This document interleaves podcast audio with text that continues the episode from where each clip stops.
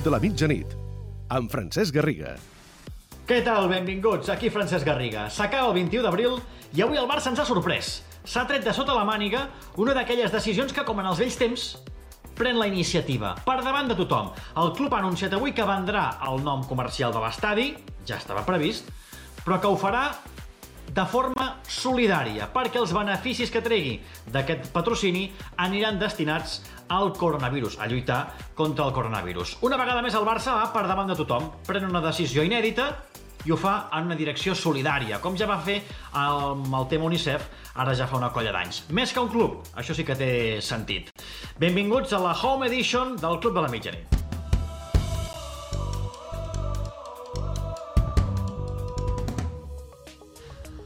Laia Tudel, com estàs? Bé, home, els dies de pluja, al final, tants dies seguits de pluja, t'aixafa una mica. tampoc m'interessa en tants detalls. Uh, Ah, avui, no? la cosa, avui la cosa va solidària, però no us preguntem per solidaritat, us preguntem per declaracions d'un jugador del Cádiz que han generat força polèmica.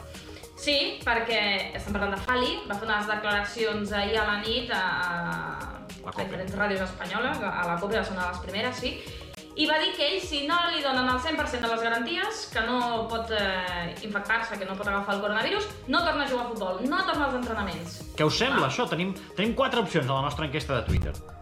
Quatre opcions. La primera, home, em sembla raonable, perquè jo faria el mateix. De moment és la que té més vots, amb més o menys un 45-44% de les votacions. La segona opció seria, si tots tanquem, doncs ells també, només faltaria. Segona opció, la segona més votada amb un 32-33%. La tercera, l'entenc, però no pot ser el que està dient, 13% més o menys de les votacions. I l'última, escolta, que cada jugador triï si vol tornar a jugar o no, 10% més o menys de les Pod- votacions. Podeu votar a la nostra enquesta, ho feu a través de Twitter, però avui la cosa va de solidaritat perquè el Barça Laia ha anunciat avui en junta directiva, després d'una junta telemàtica, la decisió de cedir el nom del Camp Nou a una empresa, però els diners no aniran al club, sinó que van per lluitar contra el coronavirus. Sí, és un, patrici, un patrocini solidari. El que farà és arribar a un acord amb un patrocinador per la pròxima temporada, per un any, cedirà el nom del Camp Nou i tot el que pagui aquest patrocinador el destinaran a diferents projectes en la lluita contra la Covid-19.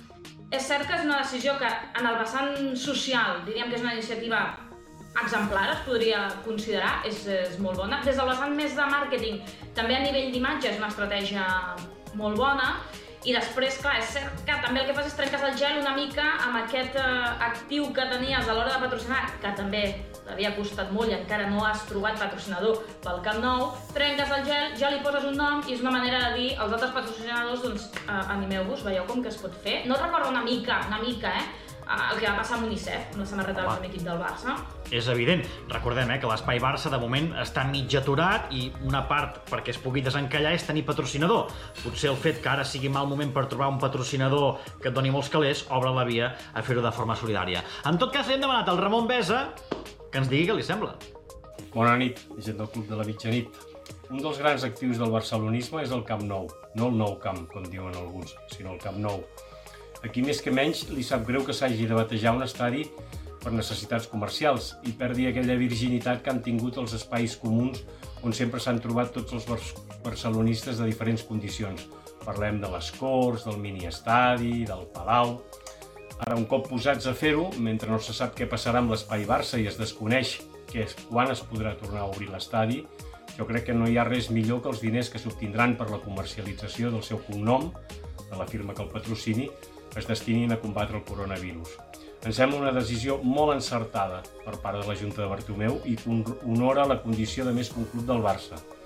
El simbolisme és molt important al Barça per la seva singularitat i per tant s'ha d'anar molt en compte en tot el que fa eh, qüestions de la samarreta, l'escut o l'himne. Així és que crec que és una gran notícia alinear l'estadi contra el coronavirus, un motiu d'orgull pels culers per ser pioners, singulars i únics. I a més a més diria que marca un punt d'inflexió en tota la gestió de, dels cognoms dels grans estadis europeus. Brillant. Per cert, Laia, que avui en aquesta reunió han aprovat aquesta qüestió del nom del Camp Nou, també s'ha nomenat un nou directiu. Jaume Carreter. Fins ara estava situat i treballava a l'àrea social, és molt amic de Jordi Cardoner i avui eh, l'han nomenat nou directiu de la Junta i és cert que encara falta que eh, ratifiqui l'assemblea de compromissaris, però d'aquesta manera arriben als 14 membres, la, xifra mínima que has de tenir segons els estatuts de la Junta del Barça. Però va, anem al capítol del dia de Aquí no hay quien viva o Aquí no hay quien liga, eh, o com, com, com ho vulgueu. Uh, Ah, perquè... aquí no hi ha qui liga, molt bé. Molt Sí, bé. t'agrada. Uh, la, UEFA, Sí, uh, la UEFA té clares les prioritats. Sí, les prioritats són les lligues, les diferents lligues dels països. Avui eh, mantenen aquesta proposta que el mes d'agost es destina per les competicions de la Champions, però també han deixat molt clar en aquesta reunió telemàtica que han fet avui amb totes les federacions que en cas que no es puguin jugar totes les competicions, prioritzaran i les competicions que s'han d'acabar i intentaran que sigui així són les lligues. Atenció, però, perquè ja n'hi ha una que no s'acabarà segur. O com a mínim, això és el que diu el govern holandès, perquè laia s'ha acabat el futbol a Holanda. No hi haurà cap partit de futbol fins l'1 de setembre, ni a porta tancada. Re, el primer ministre, com deies, d'Holanda ho ha anunciat.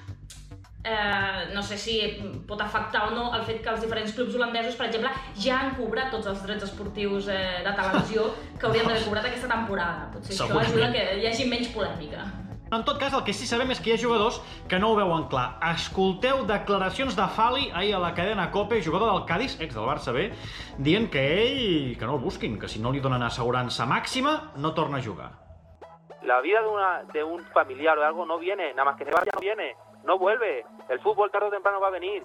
Es que eso es lo que tenemos que saber todo, cojones. Si podemos pararlo tres o cuatro meses y jugar al 100%, dentro de tres o cuatro meses, pues se juega. No hay que jugarlo en un mes, todo rápido y todo corriendo y exponiéndonos a un virus. Que nos puede joder, que no sabemos aún, que están falleciendo un montón de personas. Y nosotros queremos jugar al fútbol. Esa gente que se está dejando la puta vida por nosotros, trabajadores, camioneros, toda esa gente sí, se merecen todo. Nosotros, el fútbol, el fútbol es esencial, el fútbol no es esencial. El fútbol es para divertir a la gente y ahora mismo no estamos para divertirnos. Doncs què vols que et digui, Fali? Si el dia mm, 10 de juny tothom està anant a treballar, el senyor que té una botiga, el senyor que va a una obra i el senyor que va a una empresa, doncs em temo que el futbolista no serà menys. I si tothom corre riscos, els futbolistes han de córrer riscos, mínims, petits, controlats. Però em sembla que, Fali, mm, hauràs d'acabar jugant a alguna cosa. A tot això, Laia, eh, avui hem tingut notícia a les nostres xarxes. Sí, del president de la Federació Catalana de Futbol, has parlat eh, amb ell, hem sentit l'entrevista i atenció, sentirem un fragment perquè aclareix bastant com quedarà el panorama del futbol català. Es cancel·len les competicions, s'acabarà la Lliga de Primera, com es decidirà què passa a Catalunya? Joan Soteres, president de la Catalana al Club de la Mitjanit. La meva percepció personal és que les competicions de, de futbol territorial com de futbol base crec que hem de pensar que estan cancel·lades. Si s'aprova en junta directiva, doncs jo crec que, aquesta, crec, la meva percepció personal és que fins la temporada que ja no jugarem més a futbol oficialment. En principi, sembla ser que surt de, de Real Federació Espanyola de Futbol quan a segona B tercera i eh, segona divisió femenina, divisió d'honor, divisió d'honor juvenil i nacional juvenil, més el futbol sala nacional. Aquestes categories, la primera proposta que hi ha, que hi hagin ascensos però que no hi hagin descensos. A Catalunya encara no ho hem decidit. A Catalunya el que sí està clar és que es buscarà la fórmula a Catalunya que sigui bona i adient al futbol català. Una de les fórmules és, és posar sobre la taula les opcions que hi hagin, que no les fem llibre, encara no les sé totalment totes, i portar-les a referèndum a, a tots els catalans, que ells decideixin com ho volen fer. Els de segona i tercera segur que no baixaran. Quasi bé us ho podria assegurar. A primera catalana ja ho veurem, dependrà també d'aquest referent. Segona catalana, tercera catalana, juvenil preferent, eh, infantil de, de segona, és igual. Això, això, el futbol Ah. català el que- té que estar és molt tranquil per la decisió que estigui presa, perquè serà una decisió consensuada. Jo crec que amb un percentatge molt, molt, molt, molt altíssim, la lliga de futbol de primera i segona divisió s'acabarà. S'acabarà sense públic, però s'acabarà amb tot. I fins aquí, aquest Home Edition d'avui, ens retrobem demà. Doncs sí, no he pogut veure encara eh, els dos capítols de, del documental que em vas recomanar ahir. The Last Dance, Michael Jordan. ho fer ara. dents, exacte. Adéu-siau. Eh, vinga, adéu. Adéu.